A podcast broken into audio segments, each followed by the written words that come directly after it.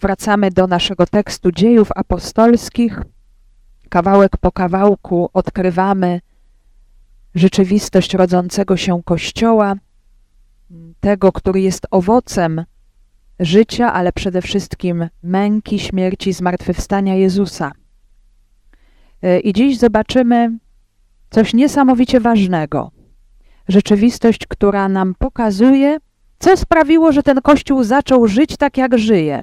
E, dlaczego tak się stało, że ten Kościół, który rozpoczyna się od małej grupki e, dość słabych ludzi, potrafił rozwinąć się w tak niesamowity sposób i dotrzeć aż na krańce e, całego świata.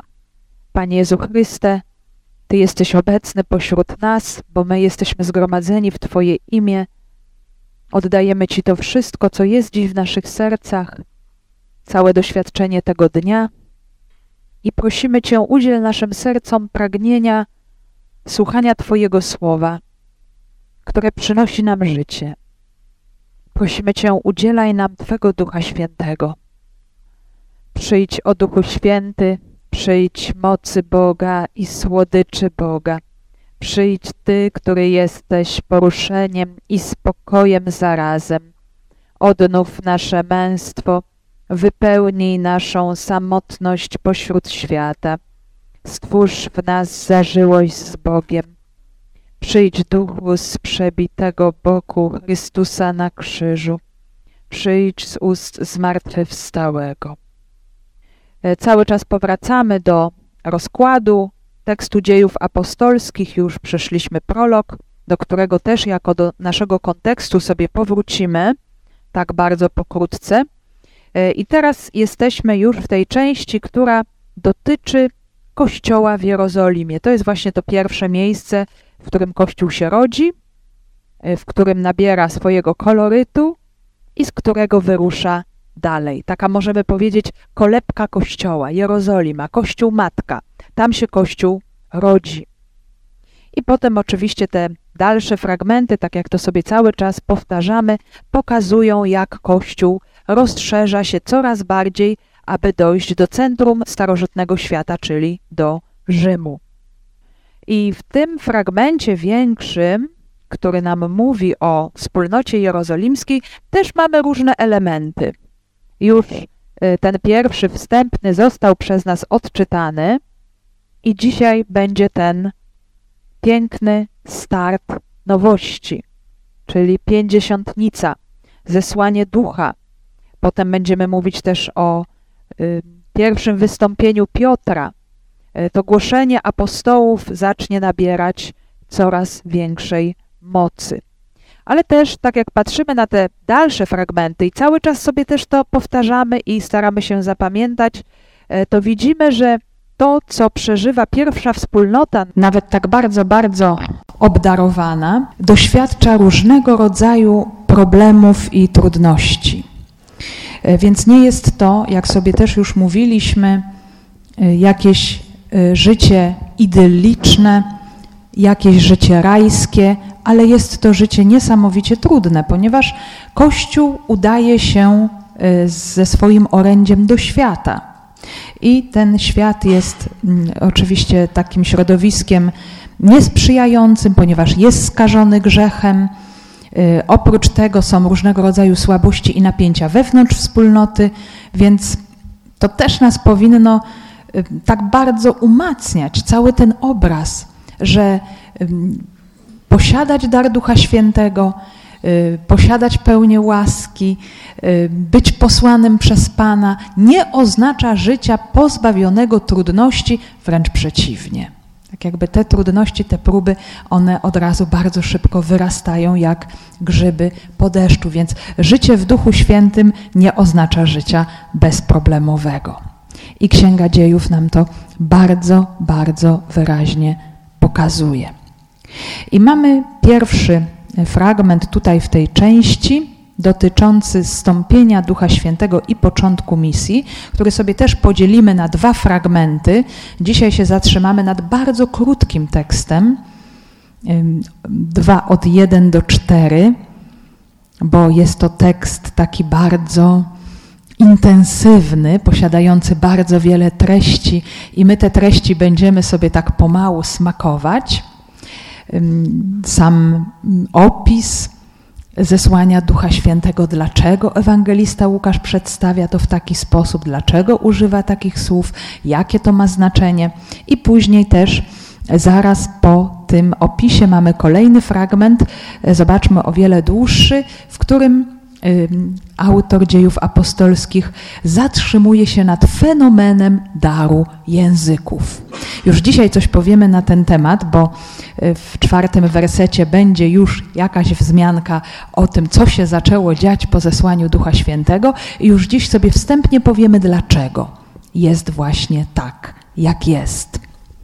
Y, więc to jest cały ten blok tego fragmentu. My go możemy jeszcze uszczegółowić, gdzie początkowo jest mowa o okolicznościach e, przybycia daru Ducha Świętego, jak, kiedy i dlaczego to jest takie ważne, że właśnie wtedy Duch Święty przychodzi, potem w jaki sposób człowiek go doświadcza i go opisuje, no i potem też, co ten duch czyni od razu i dlaczego uzdalnia do mówienia. Dlaczego akurat mowa jest tutaj tak bardzo ważna. E, potem w tej drugiej części, którą będziemy omawiać sobie w następnej kolejności, też będą okoliczności.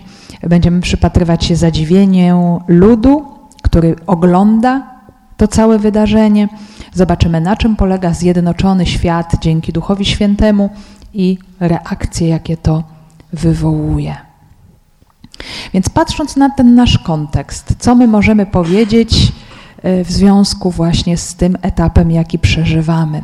Już też mówiliśmy o tym, że jesteśmy w tym przejściu, czy byliśmy w tym przejściu pomiędzy Ewangelią, życiem Jezusa, zwłaszcza jego momentem zmartwychwstania, spotkania po zmartwychwstaniu, i później przez w niebo wstąpienie, opisane również w dziejach apostolskich, przechodzimy do nowego etapu.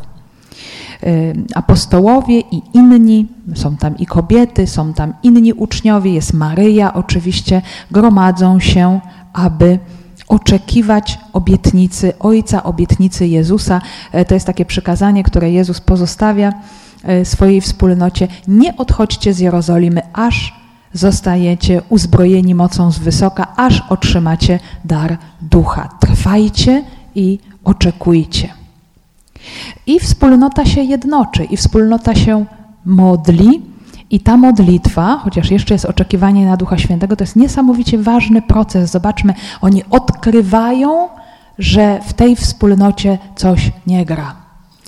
Modlitwa zawsze doprowadza do prawdy, do odkrycia rzeczywistości, do ogromnej odwagi wobec tej rzeczywistości, jaka jest, e, bo wspólnota apostołów jest zraniona, wyborem Judasza, apostołów nie z dwunastu, tak jak dwanaście pokoleń, zalążek nowego ludu Bożego jest ich jedenastu.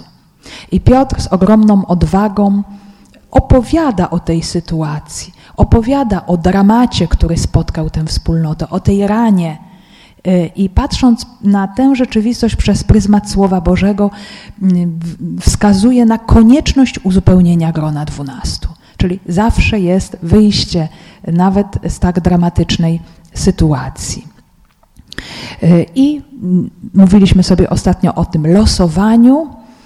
To była praktyka bardzo częsta w judaizmie, również też i w innych, y, u innych ludów starożytnych, wykonywanie losów, napisywanie imion na tych losach, potrząsanie, jeden los wypada i właśnie wypadł na Macieja.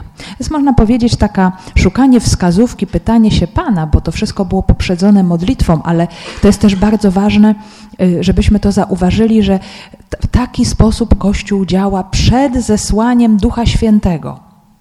Po zesłaniu Ducha Świętego już nie będzie losowania, tylko będzie modlitwa, tylko będzie rozeznanie i jako owoc tej modlitwy Duch Święty będzie wskazywał kogo należy wybrać i posłać do misji, dokąd należy pójść, co trzeba zrobić.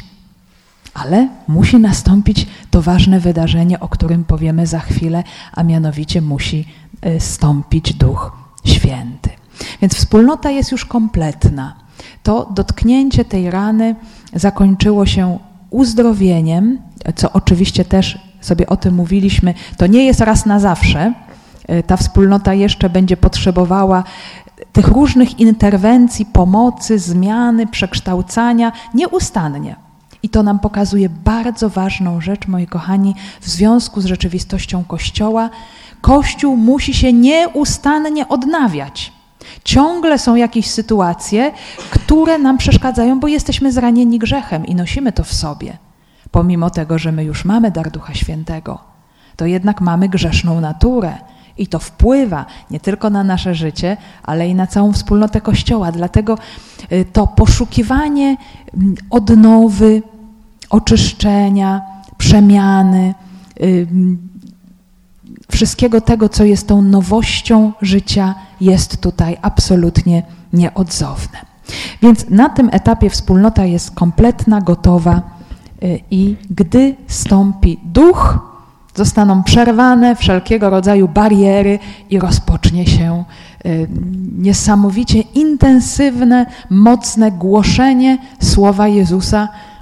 I to słowo będzie dokonywać rzeczy wielkich, ono będzie nie do zatrzymania, jak już sobie mówiliśmy we wstępie. Nic nie będzie w stanie tego słowa zatrzymać. Ani słabość tejże wspólnoty, ani żadne władze zewnętrzne, ani prześladowania, e, ani trudności. Nic nie zatrzyma zwycięskiego słowa Boga, które będzie szło, aby dokonywać dzieła zbawienia e, aż po krańce ziemi. Z dziejów apostolskich. I kiedy dopełnił się dzień pięćdziesiątnicy, wszyscy razem byli na tym samym miejscu. I nagle rozległ się szum, jakby powiew gwałtownego wichru, który napełnił cały dom, gdzie przebywali. I zostały im ukazane rozdzielające się języki jakby z ognia. I spoczął na każdym z nich jeden.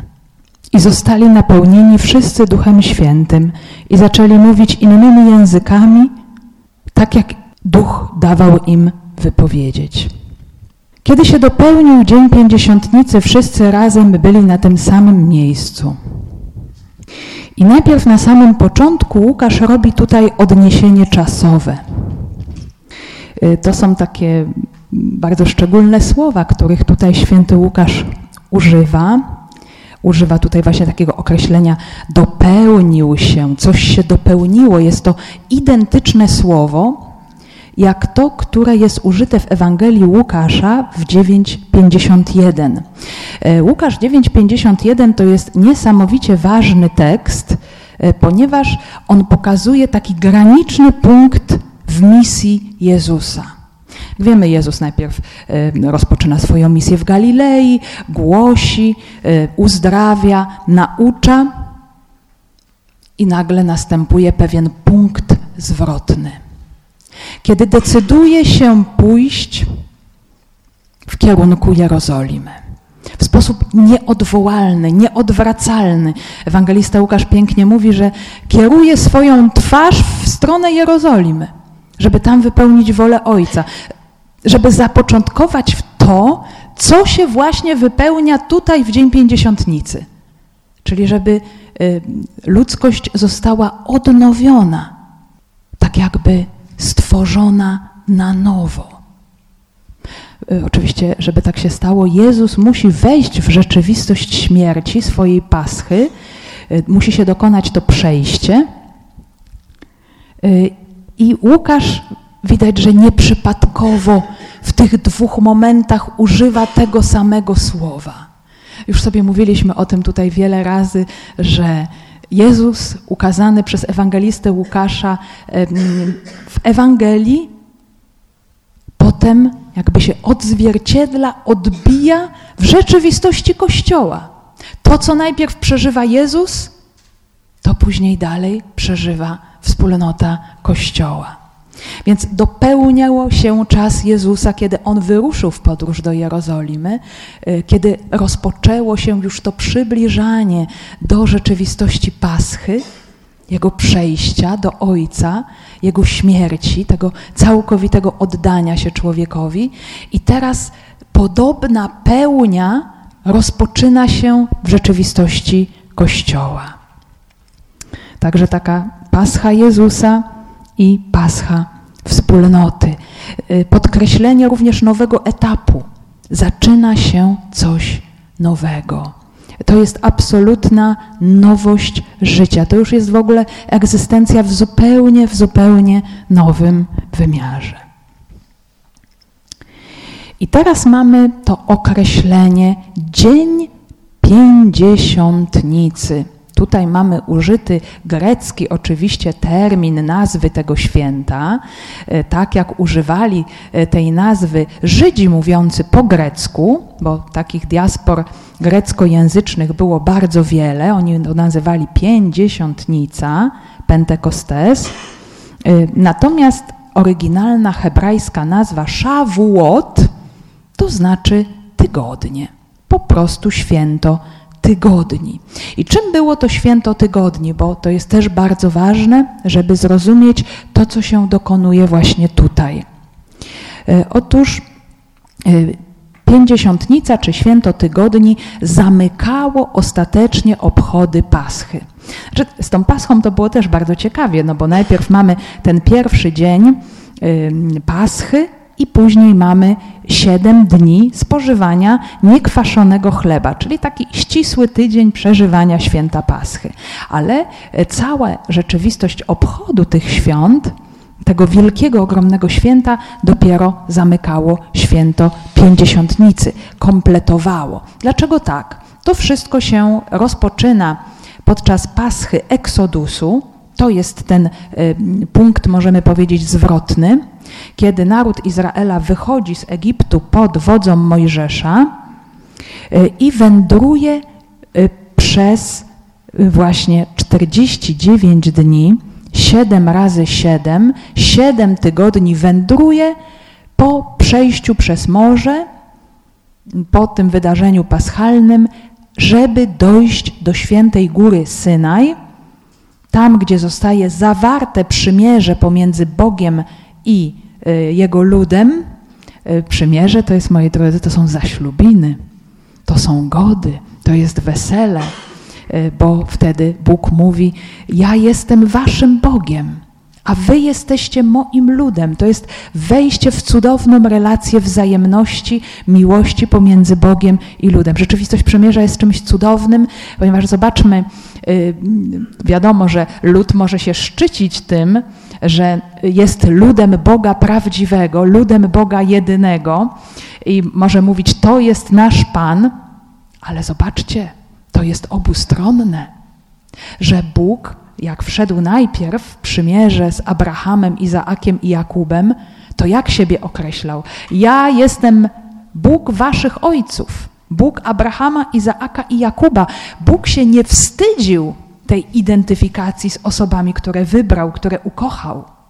I tak samo później nie wstydził się pokazać, że ja jestem Bogiem tego ludu, tak bardzo wiarołomnego. Możemy przypomnieć sobie tutaj chociażby całe wydarzenie ze Złotym Cielcem, które miało miejsce zaraz po zawarciu przymierza na Synaju i Bóg się nie wycofał.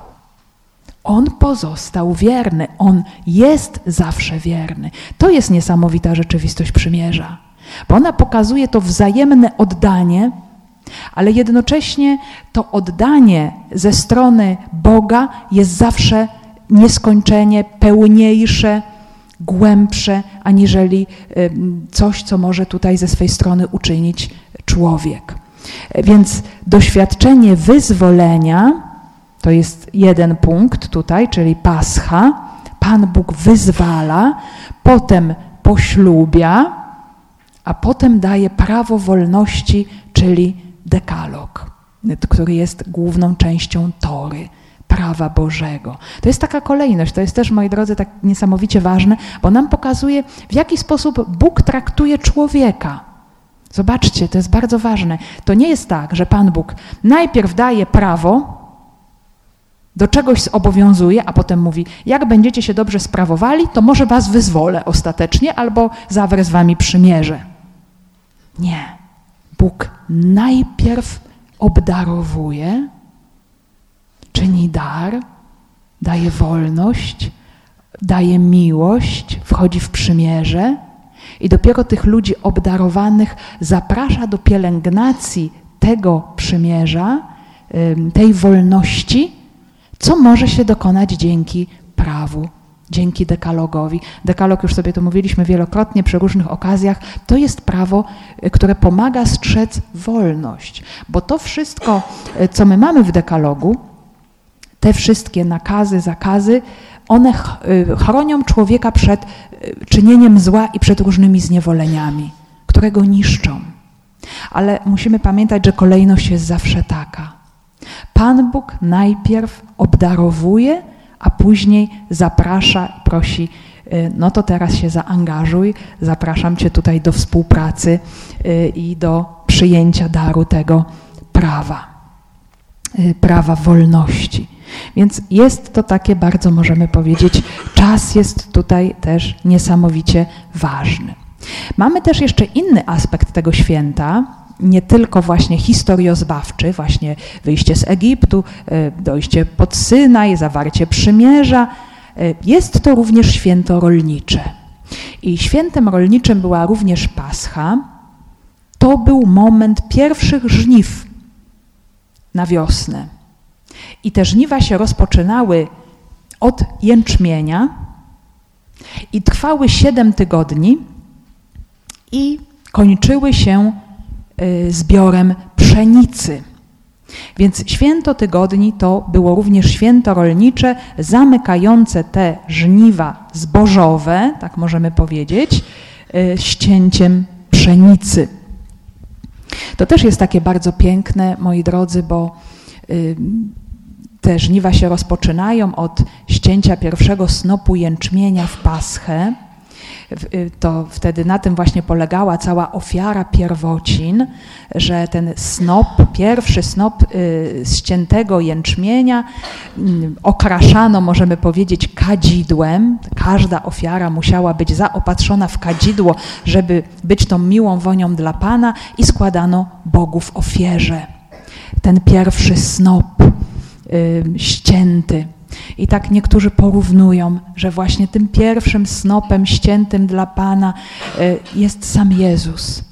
On jest tą naszą paschą, tą pierwociną. A potem zobaczmy e, te snopy pszenicy w święto tygodni. Tak to możemy przyrównać. To już może ta pierwocina, którą jest Kościół którą jest każdy z nas. Człowiek, który zostaje zanurzony w paskę Chrystusa, wchodzi w rzeczywistość nowego Synaju, nowego prawa, tej przemiany, żeby być tym darem dzięki działaniu Ducha Świętego. I po złożeniu tego pierwszego snopu jęczmienia w święto Paschy zaczynało się coś takiego jak odliczanie Omeru. Omer to jest miara hebrajska, miara zboża, no i tak po prostu mówiono, pierwszy dzień Omeru, drugi dzień Omeru.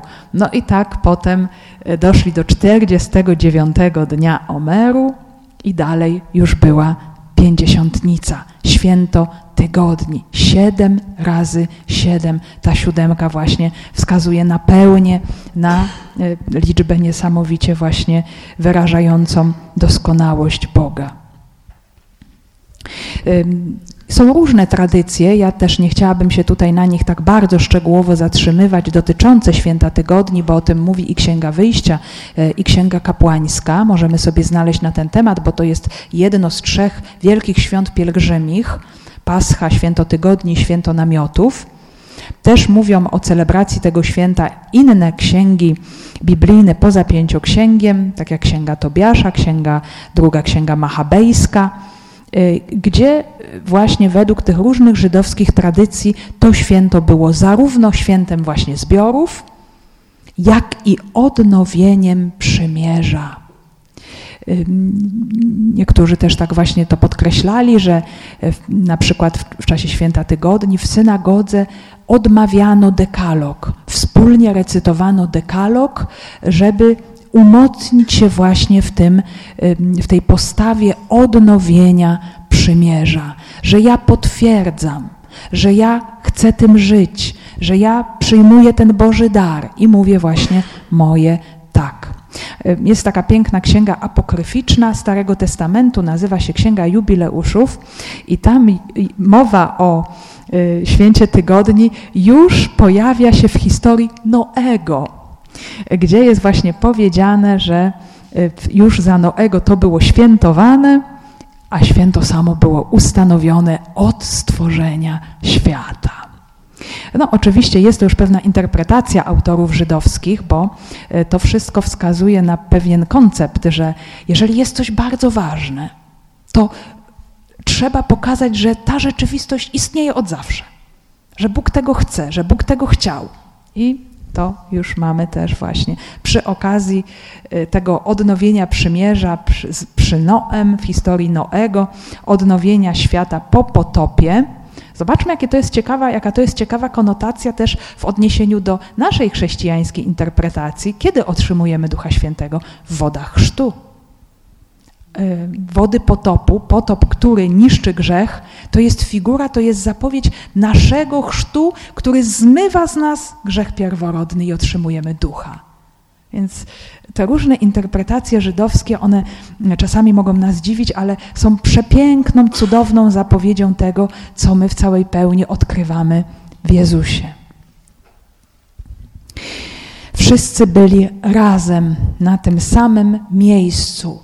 E, tutaj e, święty Łukasz pokazuje nam obraz wspólnoty, mm, jak, na czym, co to znaczy być wspólnotą, być razem na tym samym miejscu, ale chodzi tutaj przede wszystkim o zjednoczenie w jednym celu. Że oni wszyscy są ukierunkowani na tę samą rzeczywistość, że wszyscy razem na tego ducha czekają, że wszyscy razem go przyzywają, że za nim tęsknią. Może jeszcze nie wiedzą do końca, co się stanie, ale czekają z ufnością, tak jak im to zostało zapowiedziane. E, także z wcześniejszego kontekstu wynika, e, była tam grupa ludzi, około 120 osób. Była już uzupełniona grupa 12, była Maryja, były kobiety i byli bracia, różni krewni, czy znajomi, czy inni uczniowie Jezusa. I kontekst też nam pokazuje, że to byli Galilejczycy. Czyli zobaczmy, to jest też bardzo ważne. Galilejczycy w opinii Judejczyków, mieszkańców Jerozolimy zwłaszcza, to tacy ludzie średnio pobożni to tacy ludzie może mało godni tego, żeby stać się e, właśnie w jakiś sposób przez Boga nawiedzonymi, wyróżnionymi. To też nam pokazuje, że Bóg wybiera sobie kogo chce i przychodzi do Niego w jaki sposób chce. I nagle rozległ się szum, jakby powiew gwałtownego wichru, który napełnił cały dom, gdzie przebywali. Y, I zwłaszcza ten drugi i trzeci werset, y, to sobie bardzo słowo po słowie tutaj omówimy, bo e, wszystko tutaj jest niesamowicie ważne. Nagle. To słowo, moi drodzy, jest tutaj czymś niesamowitym. To nam pokazuje, oczywiście oni wszyscy czekali, wiedzieli, że to y, ma nastąpić podczas najbliższych dni, bo tak powiedział Jezus. No wiedzieli, że nie będą tam miesiącami czekać na tego ducha, y, że Jezus mówił o najbliższych dniach, więc to chyba jakoś, jakoś teraz zaraz nastąpi, ale to słowo nagle, ono pokazuje, że rzeczywistość ducha, przyjścia ducha, działania ducha, że to się wymyka naszej kontroli. Że duch przychodzi, ale my nigdy nie wiemy i nie możemy w stu procentach powiedzieć, przyjdzie właśnie tu w tym momencie albo nie przyjdzie. On potrafi nas zaskoczyć. Czasami bardzo mocno potrafi nas zaskoczyć swoim działaniem. Jest absolutnie nieprzewidywalny. Jest y, zupełnie inny, nie podlega naszym kalkulacjom. Nie można go sobie tutaj w jakiś sposób zaprogramować, wykalkulować. On po prostu lubi zaskakiwać. Przychodzi nagle. Jeżeli chcemy e, zaprzyjaźniać się coraz bardziej z Duchem Świętym, warto jest to wkalkulować w tę przygodę z Duchem Świętym, że On lubi zaskakiwać i robić rzeczy, których się możemy absolutnie nie spodziewać w danym momencie. Czyli jest to rzeczywistość, która wymyka się spod kontroli człowieka. Jeżeli chcielibyśmy, no żeby tak Pan Bóg działał wtedy, kiedy chcemy, tak jak chcemy, jak to sobie my wymyślimy, zaprogramujemy, ustalimy, bo tak będzie dobrze i tak, i wtedy to, i wtedy tamto, to nie tak. Duch Święty przybywa nagle. Duch Święty przybywa nagle i nie można go w żaden sposób okiełznać. I w jaki sposób ten Duch Święty przybywa? E, przybywa mm, i jest opisany w sposób postrzegalny przez ludzkie zmysły. Ale od razu sobie powiedzmy, to jest bardzo trudne. E, I tutaj ewangelista mówi, używa słowa, które jest bardzo ważne, jakby. Jakby. Czyli próbuje znaleźć coś, co jest najbardziej podobne do tej rzeczywistości, która się wydarzyła. Ale to nie znaczy, że to jest to samo.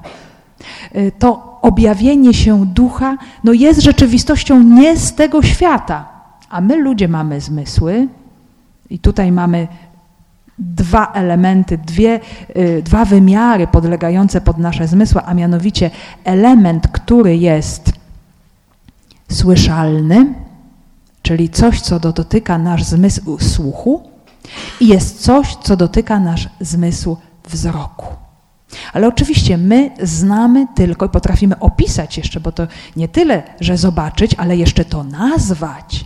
My potrafimy nazywać te rzeczy, które znamy z naszego ludzkiego doświadczenia. I tutaj to słowo jakby, jak gdyby, jest też bardzo częsty język używany w różnych tekstach prorockich, kiedy prorocy w Starym Testamencie no, widzą coś, co jakiś odblask chwały Boga, nie potrafią tego opisać. Nie potrafią sobie z tym poradzić, bo to jest tak niezwykłe, tak piękne, tak przekraczające e, to wszystko, co znamy, że możemy tylko powiedzieć, to jest coś jakby, coś podobne, coś jak gdyby. I to jest znów, moi drodzy, kolejny wyznacznik tego wszystkiego, że my tylko tego ducha, który do nas przychodzi, ogarniamy w milimetrze. Już nie wiem, jakich tutaj użyć słów, żeby to określić. Yy, czyli my nie jesteśmy w stanie ogarnąć w ogóle tego jego przyjścia, kiedy on przychodzi i co on robi i w jaki sposób nam się objawia, bo zupełnie to wykracza poza nasze kategorie w ogóle percepcji, naszego ludzkiego postrzegania. On tak bardzo nas y, przerasta pod każdym względem. Y, on jest po prostu tak ogromny i tak nieobliczalny i tak inny niż to wszystko, co znamy z naszego ziemskiego doświadczenia, że my możemy po prostu tylko powiedzieć jakby, jak gdyby, podobny do czegoś. I co jest najpierw? Najpierw pojawia się odgłos, który się słyszy. E, I to, co tutaj Łukasz nam mówi, to jest, mówi echos. Używa słowa echos, czyli szum, czyli jakiś dźwięk, i, mm, które, który podlega pod y, słuch człowieka. I Łukasz coś właśnie szuka, próbuje znaleźć, do czego ten dźwięk jest podobny. Podobny jest do powiewu, do uderzenia gwałtownego wichru, który wypełnia dom. Właśnie ten wiatr. E, też pamiętamy o podobnym obrazie, który jest użyty chociażby w Ewangelii Jana. Pamiętamy jak o tym, że duchu Jezus rozmawia z Nikodemem to właśnie określa go słowem to pneuma, czyli wiatr, czyli powiew, czyli rzeczywistość, której nie widać, a która czyni pewne zmiany. Bo jak powieje, to to oczywiście usłyszymy dźwięk, ale jak mocno powieje, to się wszystko rusza, to czujemy świeże powietrze. Jak mocno powieje, y, to widać zmiany w tych y, rzeczach, miejscach i przedmiotach, które ulegają temu powiewowi, czyli widzimy, jak drzewa się trzęsą na wietrze, jak coś się unosi do góry, po prostu rzeczywistość się zmienia. Widać zmianę, słychać zmianę. To jest też, moi drodzy, niesamowite, bo wiatr, y, właśnie ten powiew, to powietrze, to jest rzeczywistość konieczna człowiekowi do życia, bo człowiek oddycha.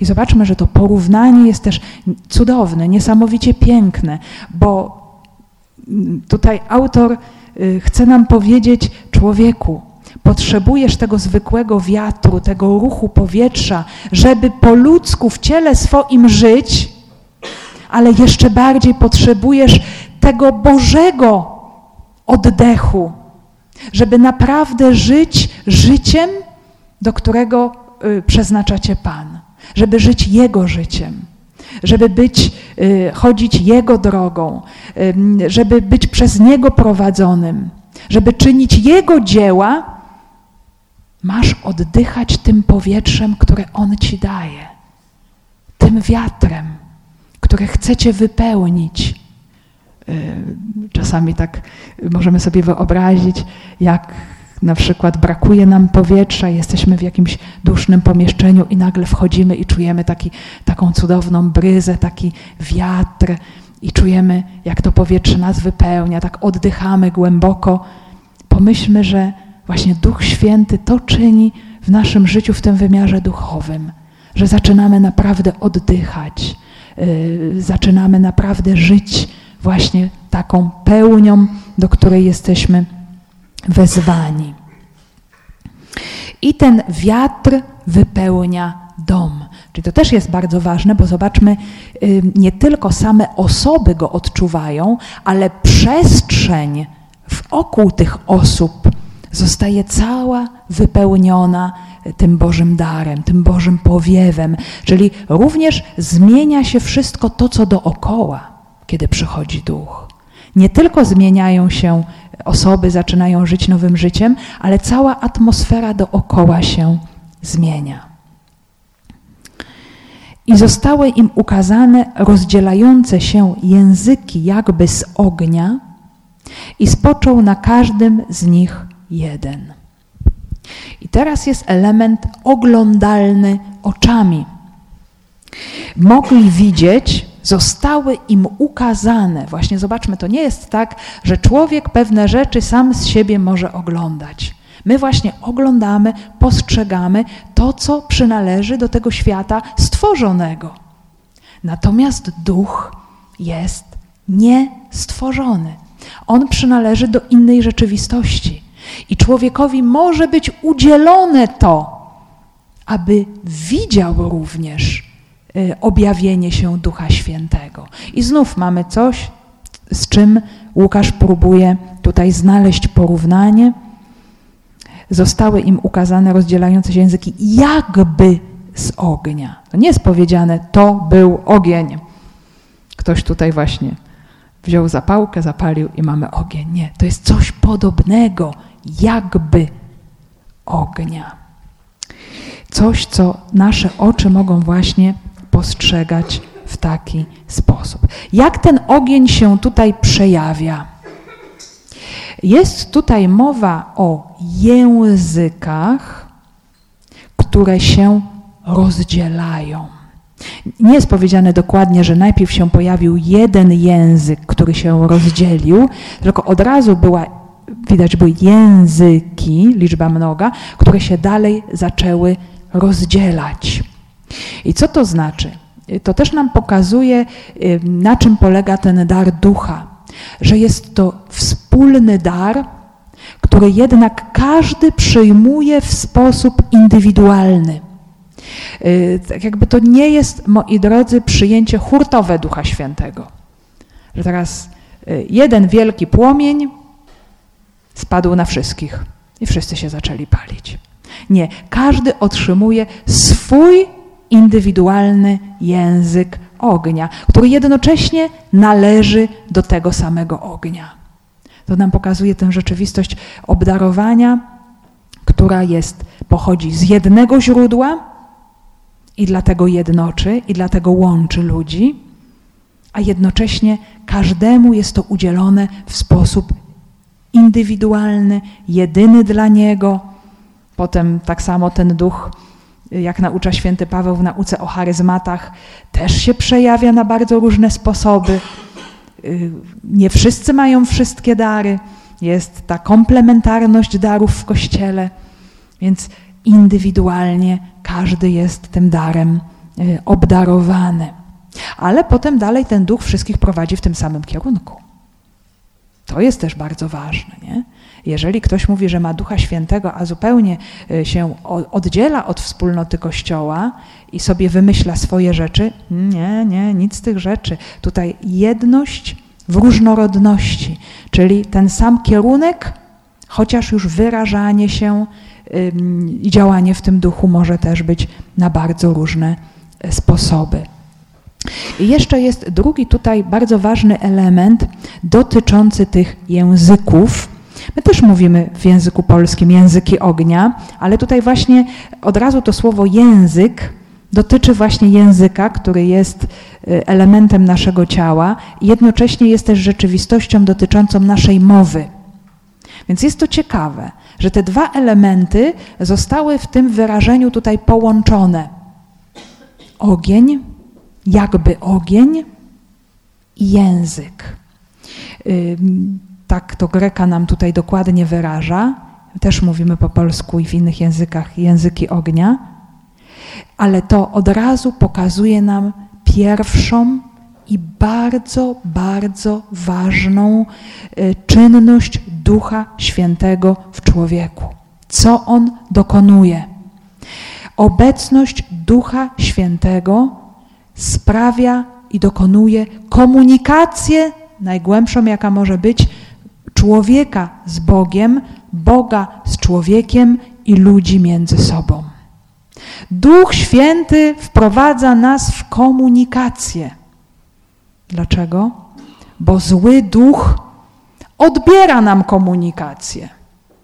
Sprawia, że ludzie przestają ze sobą komunikować, że się na siebie zamykają, że są po prostu niemi. A człowiek został stworzony przez Boga, który jest trójcą, który jest miłością, który jest komunikacją osób boskich, tam jest ciągły przepływ miłości i my jesteśmy stworzeni właśnie do tego, żeby komunikować z Bogiem i z człowiekiem.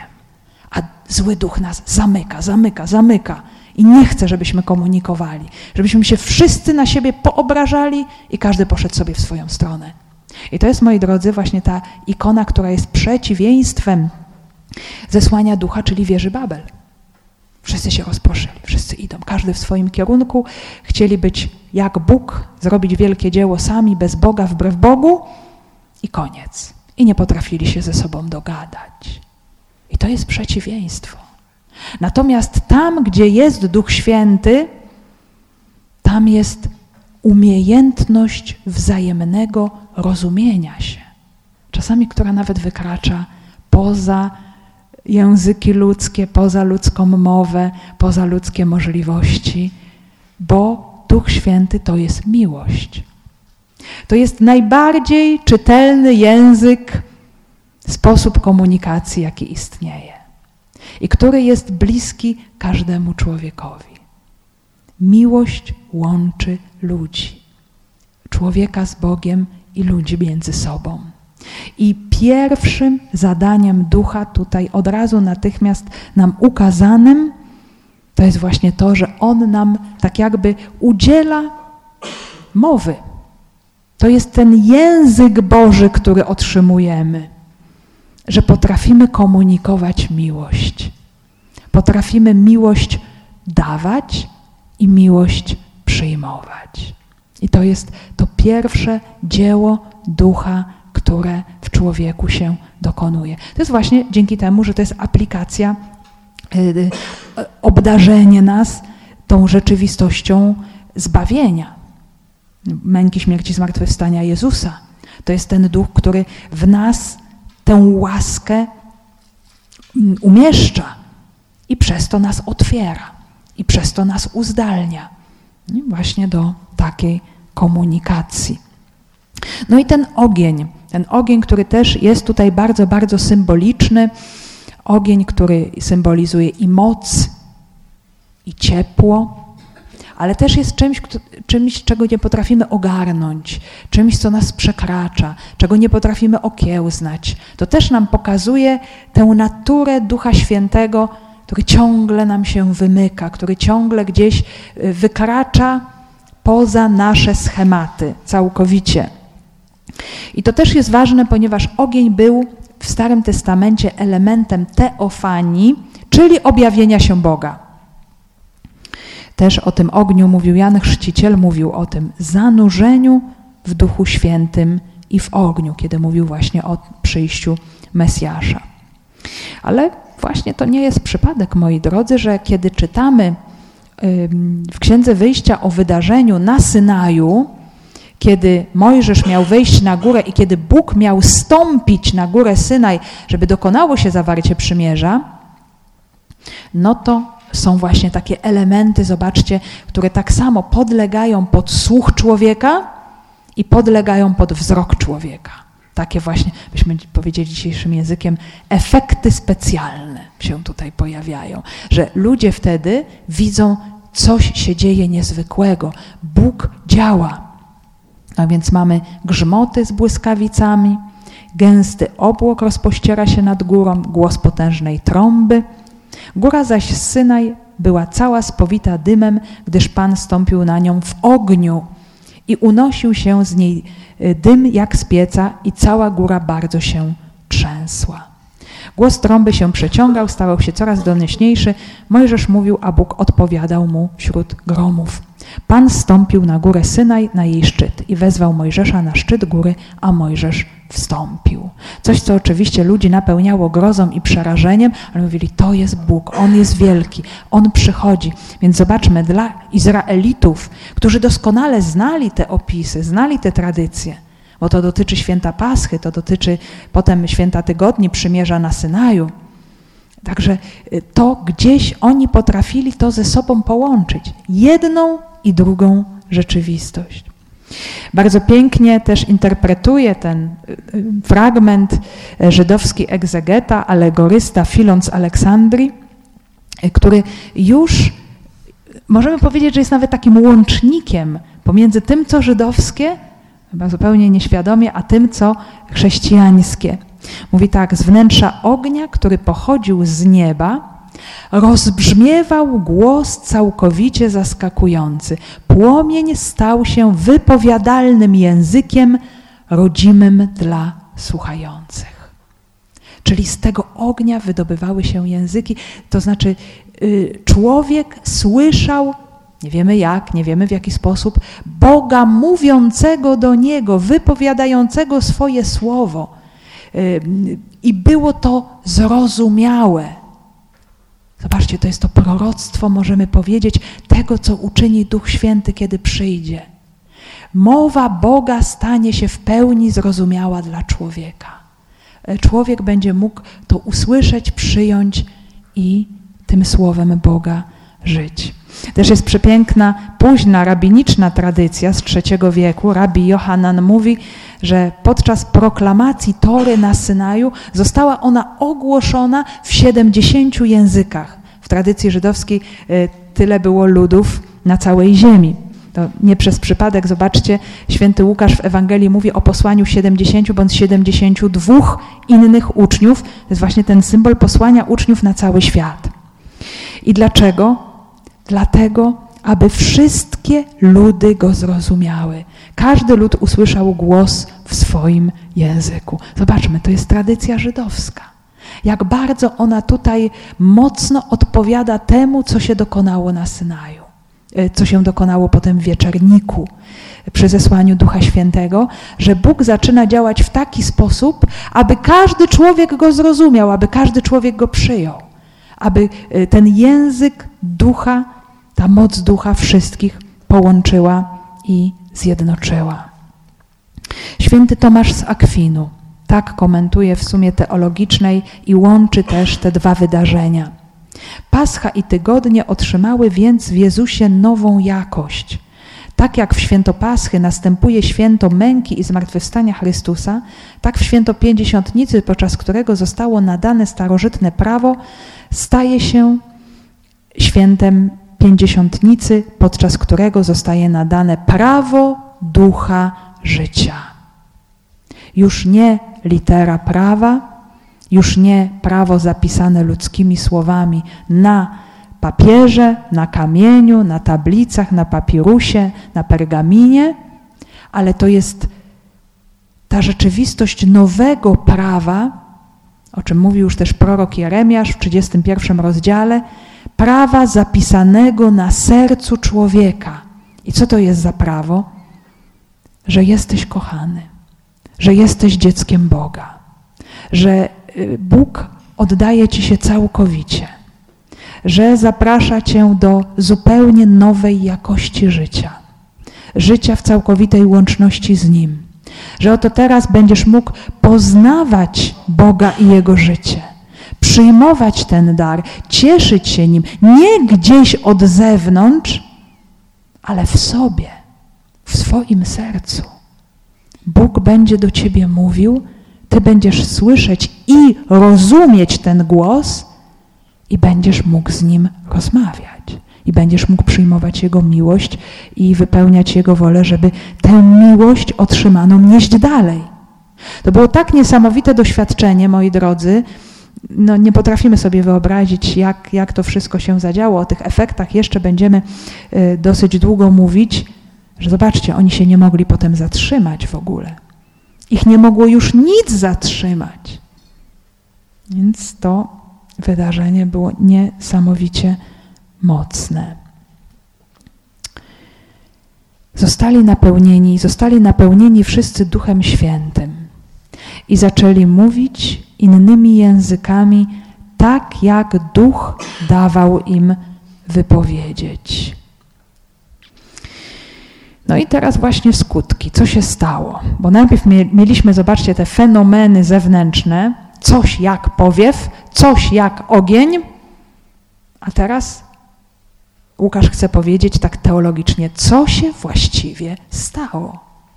Że to nie była jakaś tam wizja, że to nie było jakieś tam doświadczenie takich czy innych elementów oglądalnych, ale że zostali napełnieni Duchem Świętym, co się właśnie stało.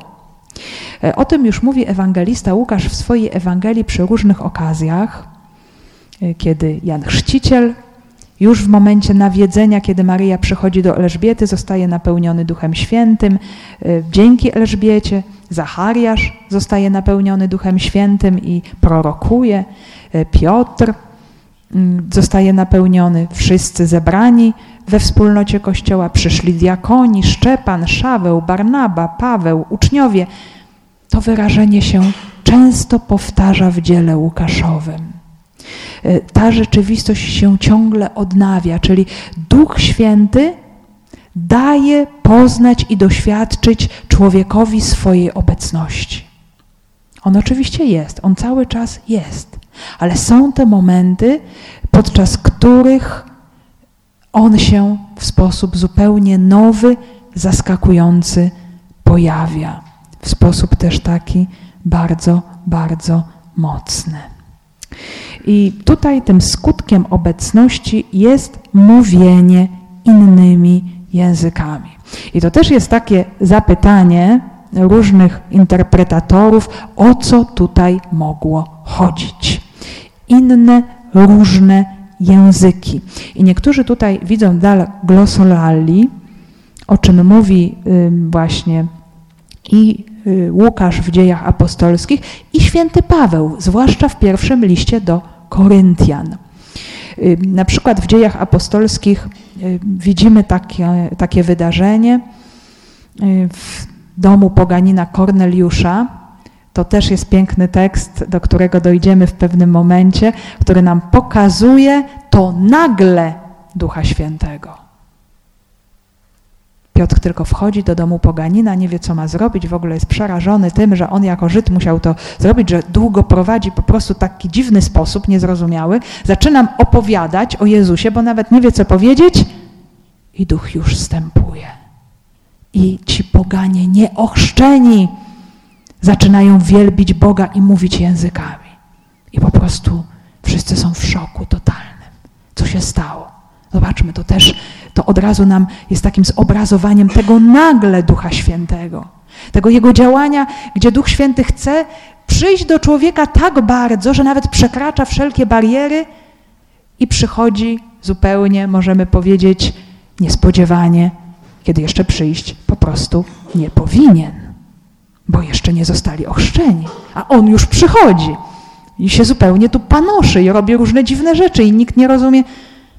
On taki właśnie jest. Zobaczcie, zupełnie, zupełnie nieokiełznany. Albo y, święty Paweł spotyka w Efezie Joannitów, tych, którzy przyjęli tylko chrześcijanowy, nie słyszeli o Jezusie. Paweł głosi im Jezusa, nakłada na nich ręce i nagle ich ogarnia Duch Święty i też zaczynają mówić językami i wielbić Boga. I o tym fenomenie można też poczytać właśnie w pierwszym liście do Koryntian, w tych rozdziałach 12, 13, 14, gdzie jest mowa o charyzmatach. Ale jeszcze po kolei, pomału będziemy się też do tej rzeczywistości odnosić. Czyli jedni mówią, że jest to dar mówienia językami, yy, czyli wielbienia Boga w językach, tak zwany dar gloslalli. Natomiast inni tutaj widzą, że apostołowie otrzymali, ci wszyscy, którzy tam byli, umiejętność mówienia w obcych językach, czyli w językach innych narodowości. Y, generalnie, jakbyśmy to nie tłumaczyli, moi drodzy, to chodzi tutaj o mówienie językiem, którym normalnie na co dzień nie mówimy. Czyli jak mamy dar języków, to znaczy, że nie mówimy po polsku. Możemy mówić językami aniołów, albo możemy mówić po chińsku albo nie wiem jeszcze po jakiemu. Nie? Chodzi właśnie tutaj o język, którym nie posługujemy się normalnie na co dzień. To jest takie najprostsze wyjaśnienie tego słowo heteros. Tutaj jest użyte inny język. Niektórzy mówią inny, różny, niektórzy to tłumaczą obcy język. Y, I, I, to jest właśnie to działanie Ducha Świętego, o którym mówimy, duch, który pozwala się zrozumieć nawzajem który dokonuje, który dokonuje komunikacji między ludźmi. Zawsze tam, gdzie jest duch, tam jest jedność, tam jest pojednanie, tam jest zbliżanie się ludzi ze sobą. To jest, zobaczcie, ta komunikacja jest niesamowicie ważna. Tak jak powiedziałam wcześniej, zły duch dzieli, zły duch zamyka, zły duch będzie pokazywał y, wszystko, żeby ludzie się zamknęli na siebie.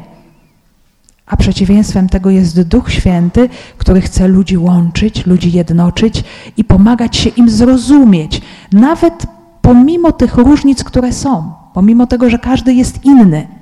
Duch Święty daje możliwość wzajemnego przyjęcia się i zrozumienia. E, I to Duch Święty udziela tej możliwości. To nie jest coś, co człowiek ma sam z siebie tutaj, bo zaczęli mówić innymi językami, tak jak Duch dawał im wypowiedzieć. Czyli teraz w tym momencie to Duch Święty kieruje słowami, yy, zachowaniem, wyborami. On podpowiada, on pokazuje, co masz powiedzieć, w jaki sposób masz powiedzieć. Zobaczmy, moi drodzy, my jesteśmy w to wszystko wyposażeni. My mamy ten dar ducha. My potrzebujemy ciągle sobie to przypominać, uświadamiać, że my mamy w sobie gdzieś w naszym wnętrzu jest ta cudowna, ogromna moc, ten wiatr y, porywisty i ten płomień palący, który nas uzdalnia do miłości, do komunikacji, do przekazywania życia. I to nie jest nasza własna siła. Niejednokrotnie apostołowie będą sobie uświadamiać, to będą widzieć, jak bardzo są słabi w różnych sytuacjach, jak są y, momenty, które ich całkowicie przerastają, y, kiedy będzie moment prześladowań. Oni będą przyzywać szczególnie Ducha Świętego, żeby dał im moc. No to jest, zobaczcie, niesamowite. Kiedy przyjdą prześladowania, oni nie powiedzą: Duchu Święty, zmień tę sytuację, niech się natychmiast wszystko pięknie wyprostuje. Oni tak nie powiedzą. Oni powiedzą: Daj swoim sługom tę moc, abyśmy mogli przyjąć to, co przychodzi i przeżyć to zgodnie z wolą Boga.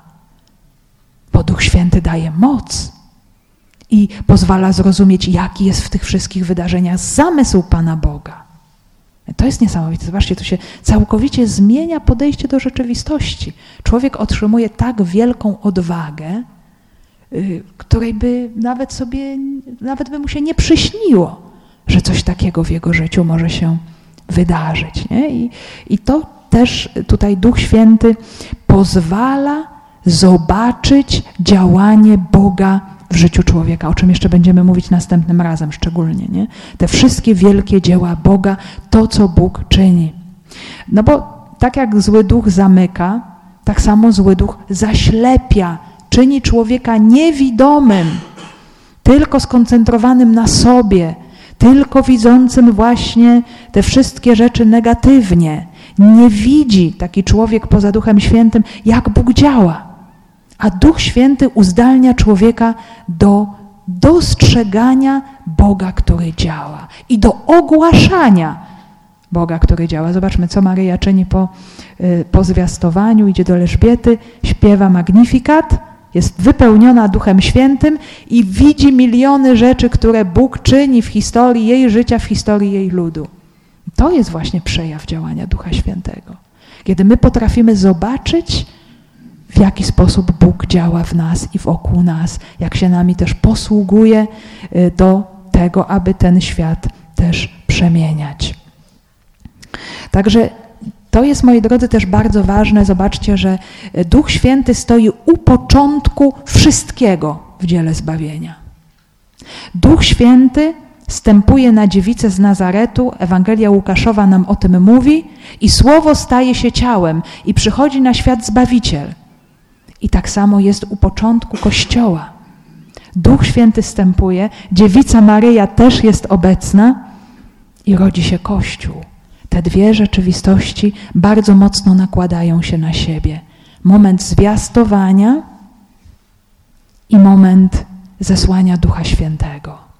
Mamy dziewicę, która wypełniona duchem e, rodzi Jezusa w sposób fizyczny, naturalnego również macierzyństwa i mamy wspólnotę Kościoła. Kościół to jest oblubienica Boga, tak samo jak Maryja, który wypełniony Duchem Świętym y, będzie nieść, będzie rodzić Słowo Boga w sercu ludzi. Będzie zapraszać do wiary, będzie tę wiarę zaszczepiać. Jest właśnie też to działanie Ducha Świętego. Czyli mamy tutaj do czynienia właśnie z takim y, podwójnym obrazem, bardzo mocno ze sobą się łączącym. Y, I tak jak w Jezusie Bóg stał się bardzo bliski, stał się najpierw malutkim niemowlakiem, którego nie sposób się bać, którego każdy by chciał przygarnąć, przytulić, przyjąć, y, bo taki obraz nas wzrusza. Bóg stał się bliski w Jezusie, który przygarnia grzesznika, który leczy, który podnosi, który dodaje odwagi. Tak samo w Duchu Świętym dokonuje się ta rzeczywistość w nowym wymiarze. Bóg staje się bliski, bo się staje słyszalny, staje się zrozumiany dla nas od wewnątrz i my możemy go komunikować w sposób zrozumiały dla innych, otwierać się wzajemnie na niego.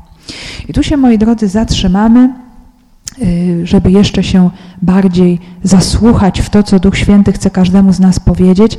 Będziemy sobie dalej rozważać kolejne skutki y, objawienia się tego Ducha wobec apostołów i też wobec tych, którzy tam byli, jakie to miało oddziaływanie też na pozostałych.